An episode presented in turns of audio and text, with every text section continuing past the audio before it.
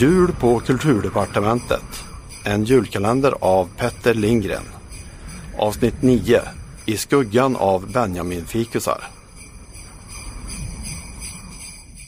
Det kulturministern och strutkillen hade kokat ihop överträffade mina vildaste distributionsfantasier.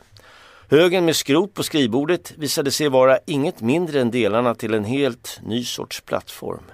Bok, tv och telefon i samma hamn med inbyggd hotline till bibliotekstjänst och Skatteverkets inläsningscentral i Falun. Till och med statsministern var imponerad, även om hon först verkade brydd över uppgifterna på strutkillens visitkort. Facit i Åtvidaberg? Eh, men, men har inte Facit gått i konkurs?